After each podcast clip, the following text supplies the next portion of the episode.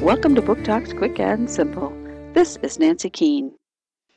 Artistic and athletic, Gianna Zales throws all her energy into her art and running on the school's cross country team. But when she's told she will not participate in the team sectionals if she doesn't complete her leaf collecting science project, Gianna faces an uphill battle.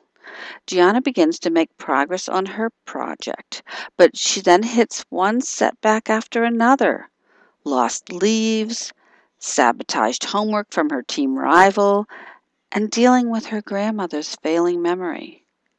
Her best friend Zig comes to her aid, helping Gianna with her project, and supports her as a steadfast friend.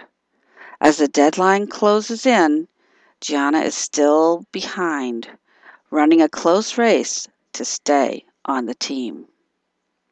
The Brilliant Fall of Gianna Z by Kate Messner, Walker, 2009. Book Talk by the New Hampshire Great Stoneface Committee.